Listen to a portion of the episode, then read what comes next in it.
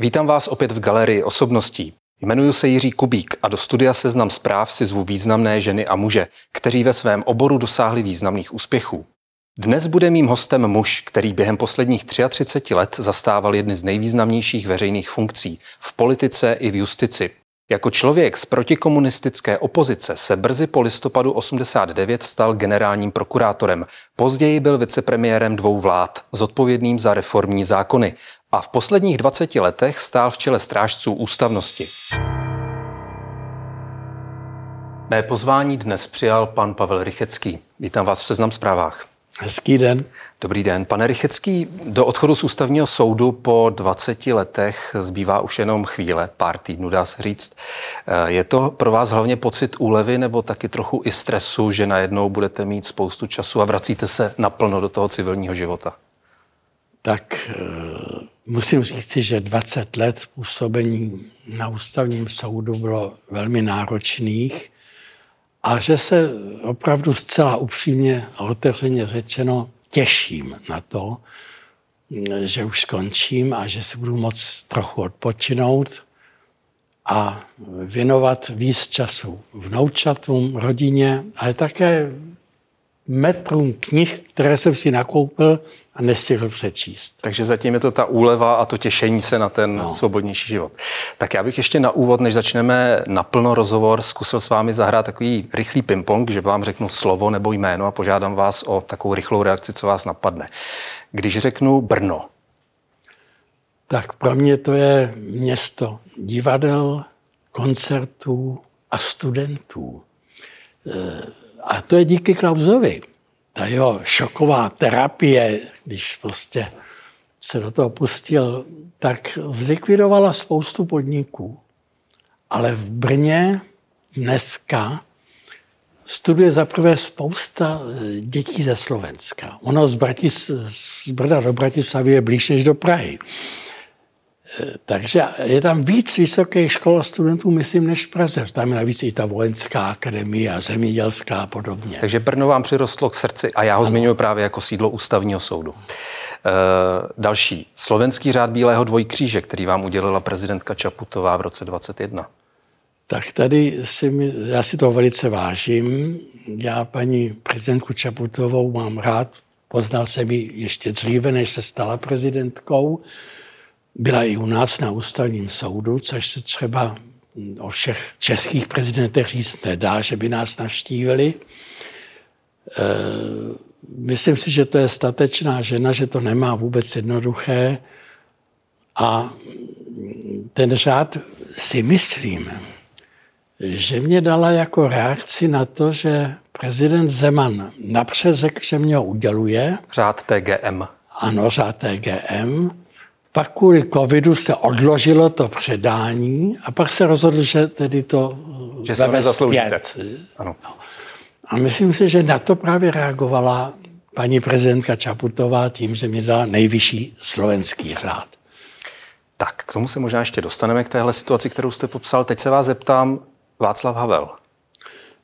Člověk, kterého jsem měl velice rád pro jeho skromnost, pro jeho takovou uvážlivost. On než cokoliv řekl, tak prostě vyslechl spoustu lidí okolo a přemýšlel o tom, ale pak to, co řekl, bylo to nejlepší, co mohl říct.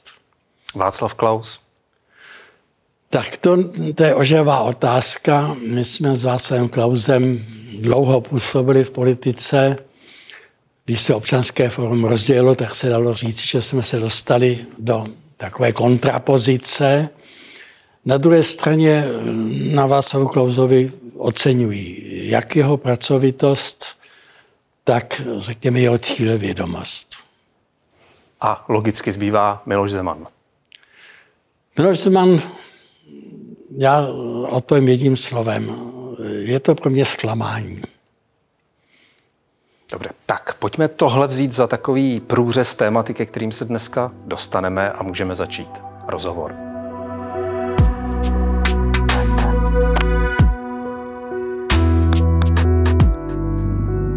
Pane Rychecký, je pro člověka vyšší věk v něčem osvobozující? No, Možná, že v něčem ano, ale e, spíš ten větší věk na člověka začíná doléhat. E,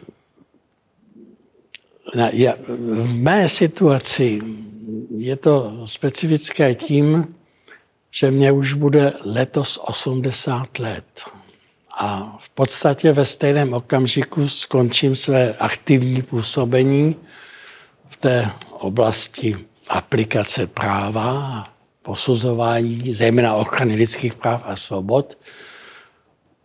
Těším se, že si odpočinu a současně si nejsem jist, jak to budu zvládat. Já jsem nedávno měl jeden týden dovolené a ten jsem trávil v Praze doma, ne na nějakém řeckém ostrově, prostě nebyla to klasická dovolená, takže jsme hlídali vnoučata, vozili je do školy a podobně.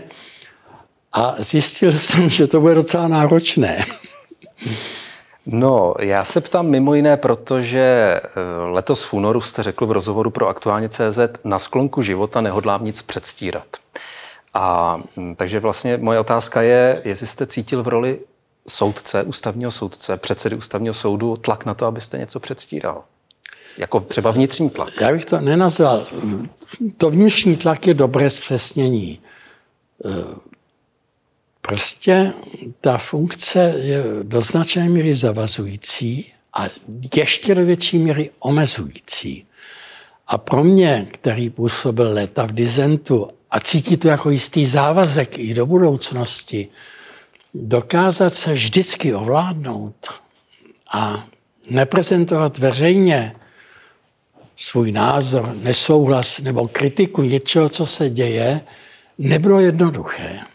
A vzpomenete si na takovou situaci, kdy jste musel zatnout zuby a neříct, co si myslíte a e, bylo to těžké pro vás? Těch situací bylo moc. Spíš si vzpomínám na situaci, kdy jsem se neovládl. A to bylo, když jsme prožívali tu sobotu, to druhé kolo prezidentských voleb.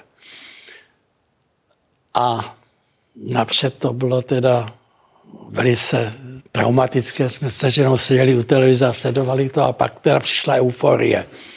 Jinými slovy, jistě se nebylo vhodné, abych se vyjadřoval k osobě eh, toho druhého kandidáta, který nebyl zvolen. Andrej Babiš, ať no, to řekneme. Ale eh, jak říkáte, můžu si dovolit už dneska všechno.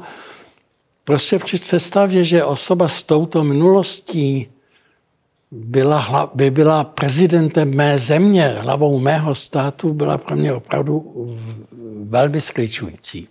Vy jste to řekl i v jednom z těch rozhovorů před tou prezidentskou volbou, že byste si nepřál, aby prezidentem byl člověk, který byl režimním komunistou, evidovaný jako agent státní bezpečnosti. Vyslovil jste tehdy obavu z agrofertizace ústavního soudu a naší země. Jsou to přesně ty věty, které jste říkal s vědomím, že už prostě eh, si to můžete dovolit a že už nehrozí, že byste byl třeba v kolizi toho soudce, který rozhoduje případ, tak, dokonce, který vám může Andrej dokonce, Babiš poslat? je to možno ještě víc zdramatizovat. Říkal jsem to s vědomím, že kdyby se stalo, že by v nějaké roli eh, Andrej Babiš byl účastníkem řízení před ústavním soudem, tak já jsem si tímto veřejně vysloveným výrokem vlastně zavřel cestu k tomu, abych tedy ho soudil a asi bych se musel pro ten konkrétní případ vyloučit pro podjatost. Což byste si možná v průběhu těch uplynulých 20 let dovolit nemohl. Přesně si to chápu tak. správně. Eh, ještě jeden ten citát, ke kterému se vztahovala i ta kritika na vaši hlavu, že nejste dostatečně nestraný. To byla ta gratulace Petru Pavlovi, kdy jste řekl slovy Václava Havla, považuji tento výsledek voleb za vítězství lásky a pravdy nad lží a nenávistí. Ale mě by zajímalo, evokovala vám vlastně ta situace, to vítězství Petra Pavla v prezidentských volbách 33 let po listopadu 89 něco z té revoluční doby? že jste použil ta slova? Já jsem na slova použil proto, že jsem byl jimi chtěl vyjádřit, a nevím, jestli to jak si všichni tak vnímali, že se konečně na Pražský hrad dostává osoba, která by mohla navázat na odkaz Václava Havla. A tím jsem to chtěl tedy zdůraznit. Jinými slovy, nešlo mě o to postavit proti sobě e, Petra Pavla a Andreje Babiše, ale vedle sebe Petra Pavla a Václava Havla. Když už jste mluvil o tom vlastně, nebo jsme mluvili o tom vnitřním tlaku, to, co člověk by chtěl říct a nemůže, protože by se mohl dostat do té eh, pro soudce nepřijatelné pozice, eh, byl to pro vás nějaký boj dlouhodobější i ve vztahu k tomu, že máte za sebou politickou jasně vyprofilovanou minulost, že jste byl příslušníkem, členem eh, občanského hnutí, pak sociální demokracie, výrazným členem ve vládě za tyto dvě formace. Bylo to pro vás na ústavním soudu v něčem limitující? Bylo. Mohu zcela upřímně říci, že právě s ohledem na tu zejména dizidentskou minulost, ale pak i tu politickou, pro mě odít se do toho hávu zdrženlivosti a jak si za každých okolností mlčet, bylo nesmírně obtížné a občas jsem to prostě nezvládl. Máte za to, že jste třeba někdy do nějakého rozhodnutí soudu promítal víc třeba svůj politický názor? Tak to ne.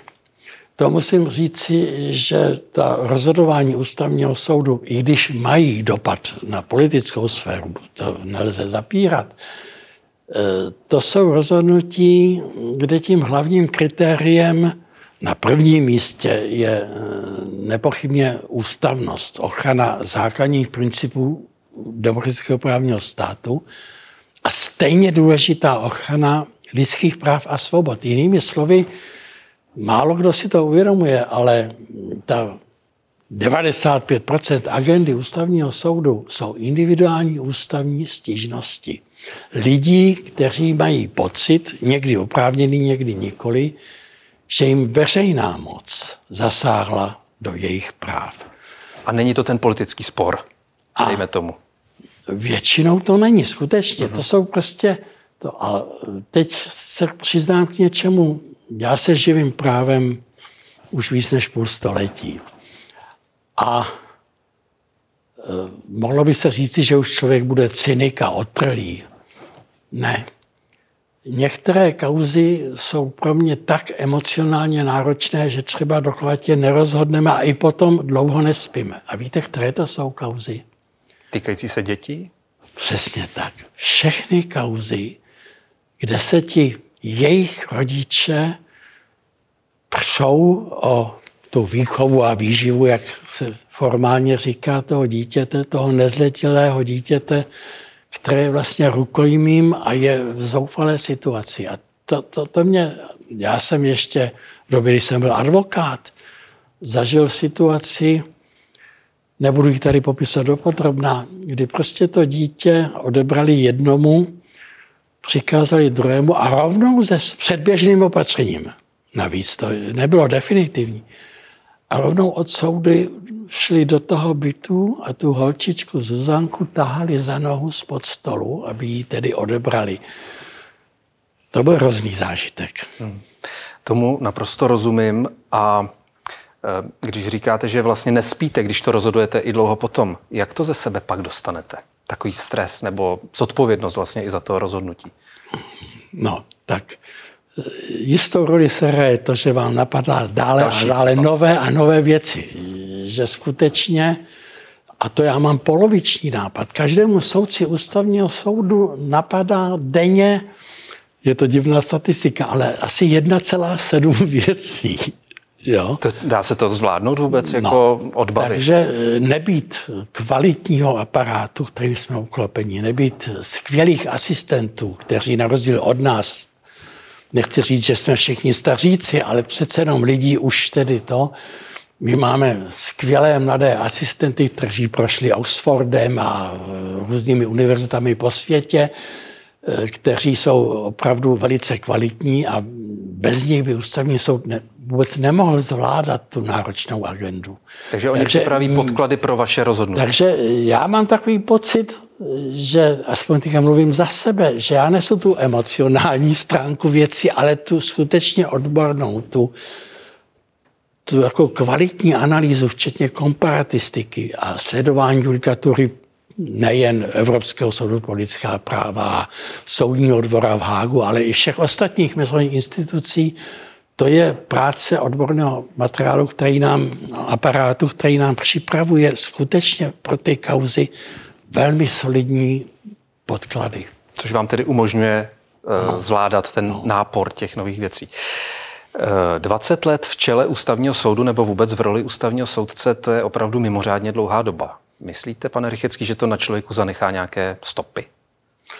No, myslím si, že zanechá a hluboké. E, skutečně je dobré, že se uvažuje o tom, že by neměl být možnost opakovat ten mandát. Myslím, že těch... Jako ani jednou? Ani jednou. Ve Spolkové republice Německo je delší, je 12 letý a nelze je opakovat.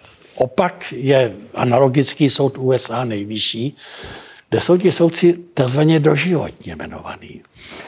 Takže každá z těch variant má své výhody, ale i své teda jednoznačně negativní jevy. A těch 20 let je hodně? 20 let je moc, skutečně. Vy jste to vydržel 20 let, ale myslím, že jste měl několik situací, kdy jste myslel, že to bude kratší, ano, že to vzdáte. Ano. Proč jste to neudělal?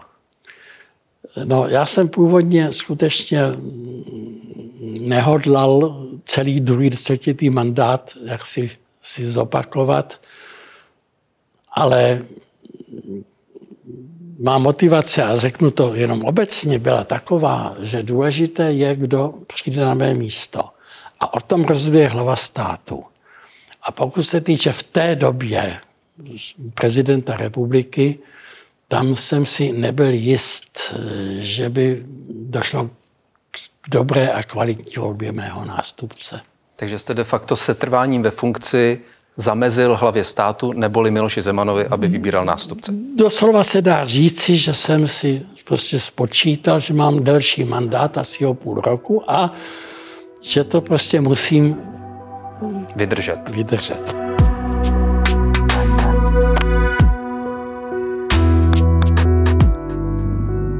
Ústavní soud pod vaším vedením rozhodoval i řadu politicky výbušných citlivých sporů. Asi ten nejznámější je ten z roku 2009, kdy jste rozhodli o zrušení vyhlášených předčasných voleb. Možná mě opravíte nebo doplníte, že, že byly výbušnější jiné.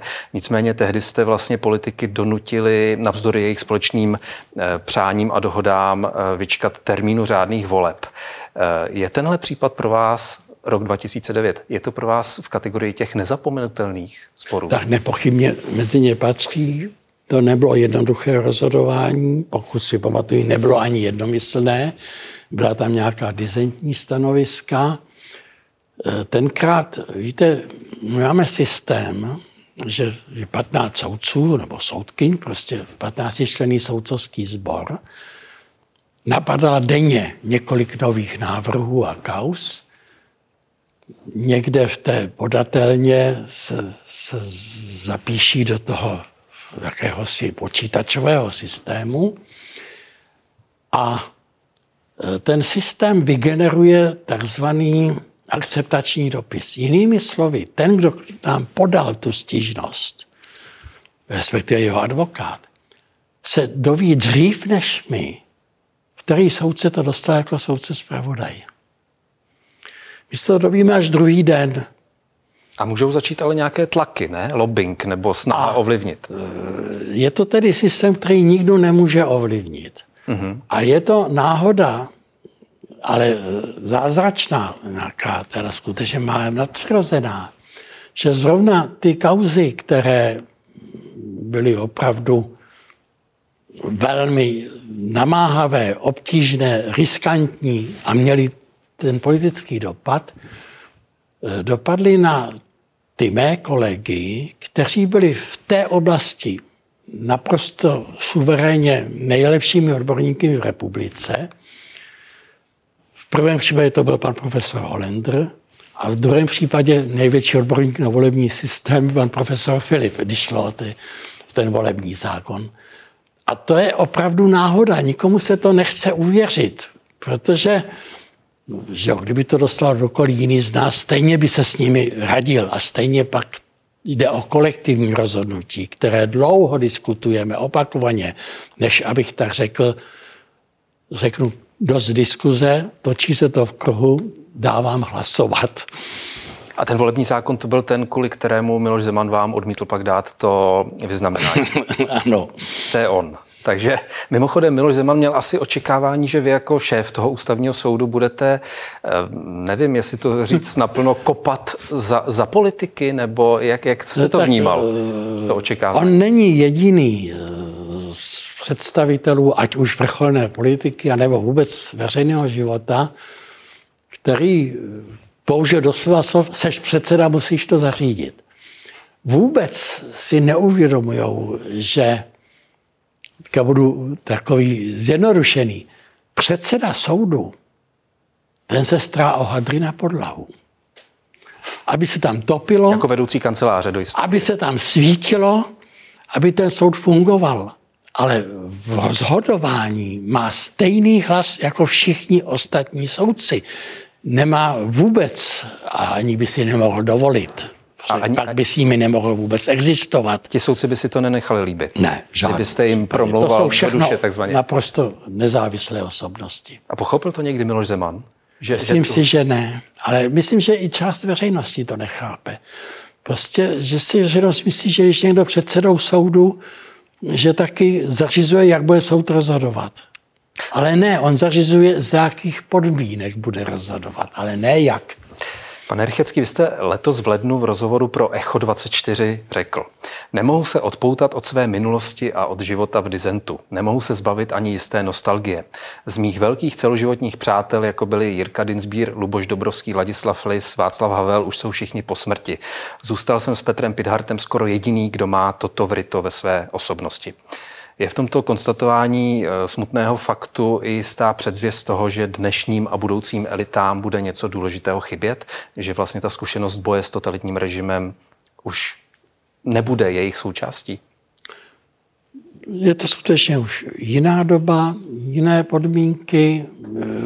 V mém případě to je nostalgické vzpomínání, protože může se to zdát takové absurdní. My jsme byli zatlačeni do jakéhosi geta ale teďka mluvím třeba o signatářích charty 77, ale my jsme tím získali vlastně nebývalou svobodu proti zbytku společnosti.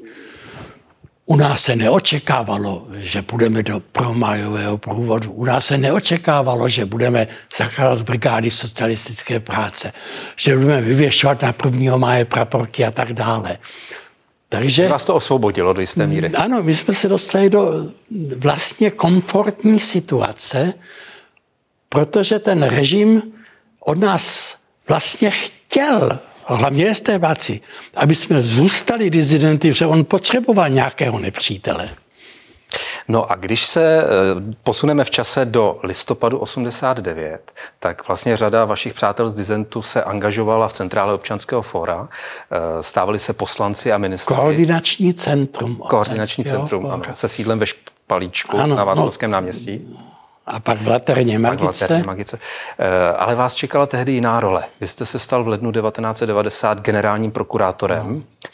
České republiky. Eh, co jste tehdy musel řešit v téhle své pozici a v té době? Ta odpověď je dost jednoduchá, ale eh, já jsem skutečně mm, nechtěl zrovna tuto funkci. Jenže dosavadní generální prokurátor Power ještě předtím, než docházelo k té odměně vlády a než ty demise a podobně, sám rezignoval teďka nám bylo vzkázáno do té latrny magiky, navrhněte generálního prokurátora a Václav Havel prostě říkal, Pavle, musíš to vzít. Mně se moc do této funkce zrovna nechtělo. A byl jsem v ní jenom, tuším, že téměř šest, necelých šest Pak měsíců. jste se stal místo předsedou federální no. vlády. A těch šest měsíců jsem, nejdůležitější není šest měsíců, ale první dva dny jsem nastoupil a okamžitě jsem zrušil takzvané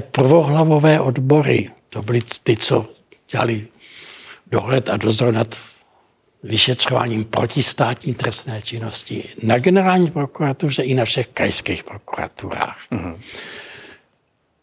A ty lidi jsem vyzval, co v těchto funkcích pracovali, ať sami okamžitě rezignují. Tenkrát to šlo a oni samozřejmě poslechli, že tenkrát ten generální prokurátor měl podle tehdejší právní úpravy nesmírně silnou pravomoc a mohl kdykoliv kohokoliv vyrazit. Takže pro ně bylo jednodušší odejít. odejít.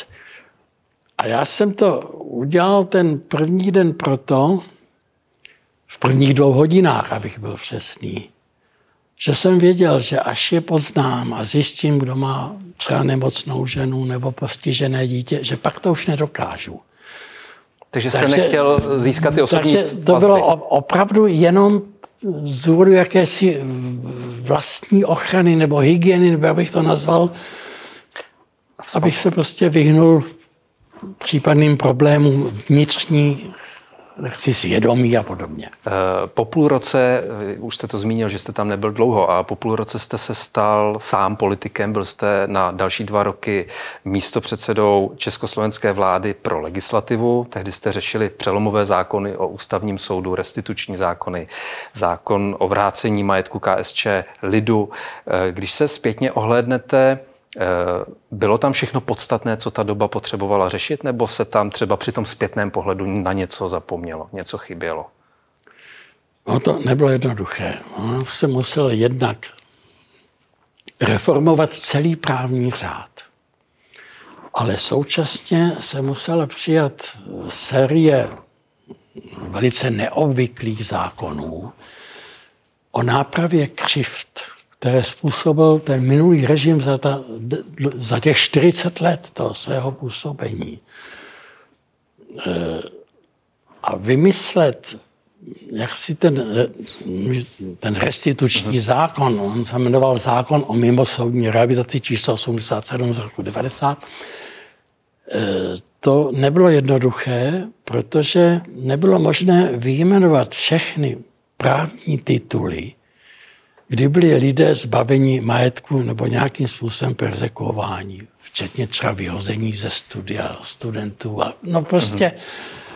A nakonec se nám podařilo přijmout zákon, který měl takzvaně demonstrativní výčet, ne taxativní, a řekl, ale dále se bude aplikovat i na všechny případy, kde prostě došlo k zásahu do těch lidských práv a svobod některým z těch možných nebo i jiných způsobů. Museli jsme to prostě takhle mhm. otevřít. A jestli se něco zapomnělo tenkrát, a pak jsem to doháněl, eh, to byly křivdy způsobené holokaustem. Protože on se sice přijal restituční zákon po roce 45, No, v roce 46 se přijalo několik historických zákonů, které ve směs se teda týkaly těch růz způsobených arizací a holokaustem. Jenže se nestačil naplnit do toho února 48. A zůstala celá řada jaksi věcí nevyřešených. A ti lidi už neměli šanci, protože podle toho přijatého slušního zákona jim uplynuly lhuty. Oni mm-hmm. věděli, že nemá smysl to ani uplatňovat po tom únoru.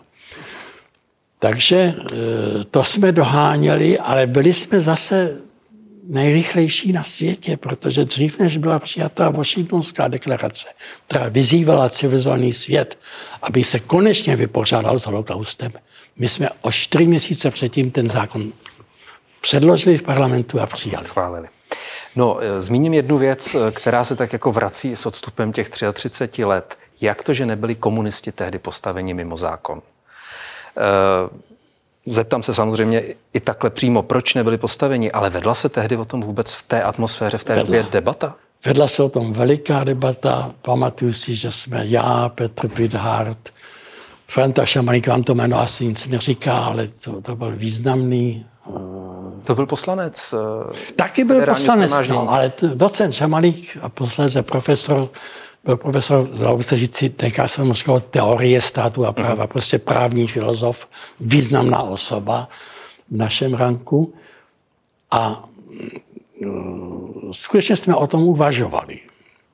Ale pak jsme si řekli za prvé, když zrušíme komunistickou stranu, oni si založí pod jiným názvem jinou, protože my jsme přijali samozřejmě velice liberální úpravu, kdy politické strany prostě nepodléhaly žádnému schvalování nebo povolování. Stačilo potřebný počet podpisů a už musela být zaregistrována. Takže by se tím vlastně nic nevyřešilo, jenom by se dokázali zamaskovat pod jiným jménem. A takhle tedy bylo na ně vidět. Tak to a byl... názor převládl tehdy. Ano. Eh, pane Rychecký, vlastně ta vaše tehdejší politická kariéra trvala ty dva roky, protože do voleb 92 dál už občanské hnutí vypadlo z parlamentu, nedostalo se do České národní rady a vy jste znovu se do politiky dostal, jestli se nepletu, v roce 96 jako senátor. Asi. Eh, vlastně tehdy už jste ano. Eh, šel možná v barvách ČSSD. Nicméně, ano. vzpomenete si na své první setkání s Milošem Zemanem? Bylo to v tu dobu toho listopadu 89 nebo...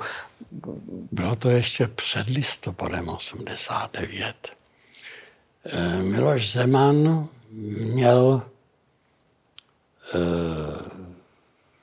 nějaký problém, který se týkal jeho článku v technickém magazínu, v technickém magazínu a e, chtěl se soudit a někdo mě ho dovedl, už nevím kdo, s tím, že jsem ho připravili, že ho budu zastupovat. Takže tenkrát jsem se s ním setkal poprvé, ale k tomu soudnímu sporu už nedošlo, protože mezi tím Aha. jak si ten režim padl. Eh, byl jste v jeho vládě, hm, to znamená období 98 až 2002, tam jste byl místopředsedou pro legislativu. Jak na tohle období vzpomínáte? To byla ta jednobarevná vláda opřená o opoziční smlouvu, menšinová vláda. Jaké to bylo pro vás období? Tak nebyla to jednoduchá éra. To rozhodně ne, ale e,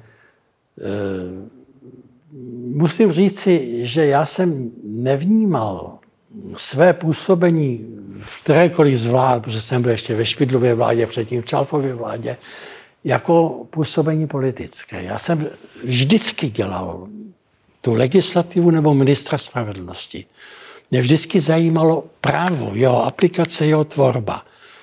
Takže jsem se svým způsobem cítil, musel jsem být členem socdem, ale nikdy jsem tam žádnou funkci neměl a bylo to jenom formální. Mně skutečně šlo o to právo. Já mířím i k tomu, že vlastně ta doba té opoziční smlouvy tehdy eh, v sobě zahrnovala i to, že ty dvě velké strany ODS a ČSSD se domluvily na změně volebního zákona. Vlastně bylo jasné, že ten záměr je to, aby volební výsledky víc nahrávaly tomu vítězi nebo těm velkým stranám na úkor malých. Tak jestli je tahle věc, tahle záležitost pro vás při tom zpětném pohledu něco, co nebylo dobře? Nebo jste ji přijali jako úkol, který vyplynul z té reality? No to e, není tak jednoduché. E, my máme v ústavě zakotven systém poměrného zastoupení, volební systém do poslanecké sněmovny. To je systém, který jehož výhodou je, že je relativně přesným zrcadlem rozložení těch politických sil a proudů ve společnosti. Nevýhodou je, že ovšem není schopen vygenerovat velice stabilní většinové vlády. Že většinou teda, zejména v podmínkách Československa od první republiky, jsou to pak různé velice, dneska dokonce velice rozmanité koalice. Ten systém má tedy i výhody, i nevýhody. E, tenkrát si myslím, a to byl ústavní příkaz, že musí být tento volební systém, e, že jsme zvolili podobu asi jedinou možnou v tu chvíli. I když pak narazila u ústavního soudu. I když Tehdy. pak narazila. E, to bylo dobře, že ústavní soud přece jenom některé většinové prvky, které tedy přesáh, se dostaly přes tu hranici ústavního vymezení, zrušil. Nepramení třeba právě z téhle vaší intenzivní spolupráce vládní s Milošem Zemanem, nepramenilo z tohoto jeho očekávání, já mu dám úkol, on ho splní, teď je na ústavním soudu, udělá, co mi na očích eh, uvidí? Tak já eh, těžko můžu za něj hovořit, ale uh, on vždycky byl v pozici rozdávání úkolů a, a vždycky byl ovládán pocitem, že ostatní jsou od, od toho, aby je plnili. Jako, já si nepamatuju eh, v té vládě, ve které jsem s ním by byl, slíbil, že by tam byl nějaký rovnocený partner. Ani vy jste si tak nepřipadal? Uh, tak my jsme museli si, třeba já s Pavlem Dostálem, jo, prostě, nebo s nějakými jinými hledat spojence, aby jsme tedy Nejednou jsme ho přehlasovali ve vládě, zdůraznuju, nejednou. A zase musím ocenit, že to vždycky respektoval a potřídil se. Hmm. Pane Rychecký, v roce 2003, když končil Václav Havel ve funkci prezidenta, tak vás sociální demokraté chtěli navrhnout na jeho nástupce a dokonce se dá odhadnout, že byste tehdy získal podporu možná i dalších tehdy uh, volitelů, mě to nejen sociální demokracie, tak. nabízela mě to celá řada dalších politických subjektů. Tak, to znamená, že ta vaše síla nebo ten potenciál toho zvolení tam byl. A vy jste do toho nešel, nakonec tedy se hlavou státu stal po nějakých eh, průtazích Václav Klaus. Uh, proč jste to vlastně odmítl? Proč jste nechtěl být prezidentem, když jste měl tu podporu? Já to říkám nerad, ale kvůli svojí manželce, ona by byla nešťastná. A ona mi to taky rovnou řekla. Dokonce s tak tvrdou výhruškou, že jsem musel ustoupit. Vzal jste to vážně? No. Ne, nepodceňoval jste výhrušku? Ne. Takže opravdu v tom byla manželka. Já jsem si říkal, jestli v tom nebylo to, že jste vlastně chtěl jít na ten ústavní soud, který se obsazoval de to facto taky, záhy. To také není zanedbatelné. Samozřejmě, že veškeré mé působení v politice sloužilo k tomu, abych se dostal k tomu právu. No na ten ústavní soud se tenkrát jinak nešlo dostat. Hmm. A vlastně vás jmenoval ústavním soudcem a tedy i předsedou ústavního soudu eh, v srpnu 2003, tehdy vlastně čerstvý prezident Václav Klaus. Napadá mě, jelikož vlastně ta vaše politická pozice nebyla úplně v souladu, že jo? on byl zástupce ODS, vy jste byl zástupce spíš opozičních stran vůči ODS, ať už to bylo občanské hnutí nebo tedy později ČSSD. Eh, nebylo to vaše jmenování Václavem Klausem de facto hladké i protože jste mu šel z cesty takzvaně při té volbě prezidenta? Říká se to a asi to je dokonce pravda. Mluvili jste o tom spolu, nebo? Ne, ne, ale on mě posílal různé emisary a různé vzkazy a nabídky a fakt je, že já nevím, jestli to tušili nebo věděli, že mnohem víc stojím o ten ústavní soud, než o ten Pražský hrad. A toho jste se vlastně dočkal na ty dvě desetiletá období, eh, což teďko, jak už jsme říkali v úvodu, končí. Završujete tuhle významnou éru. Eh, sepíšete o tom všem paměti? Já vám nemohu odpovědět jednoznačně, protože buď to je se píšu, a nebo že mám jaksi haldu svých různých projevů, článků, prostě začnu třídit a vytvářet nějaký sborník. A to jsou dvě varianty, obě nezvládnu najednou tak třeba postupně. Ale myslím si, že by to za to rozhodně stálo. Já bych si to s velkou chutí hm. přečetl. A pane Rychecký, na závěr se zeptám, co byste popřál ústavnímu soudu do dalšího období? Já bych si přál, aby ústavní soud udržel to pevné hodnotové zakotvení,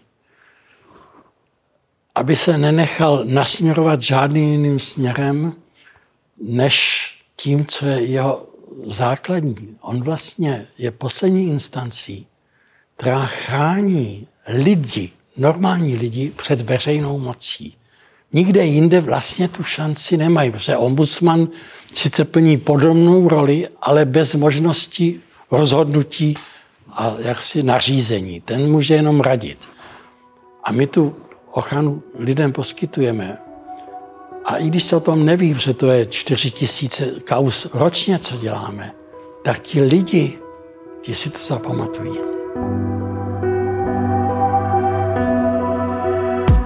Já vám děkuji za rozhovor. Já také. Děkuji i vám, že jste dnešní galerii osobností s Pavlem Rycheckým sledovali nebo poslouchali, ať už na seznam zprávách nebo v podcastové aplikaci. Budete-li nám chtít k našemu pořadu cokoliv napsat, můžete na adrese otázky Loučí se s vámi Jiří Kubík.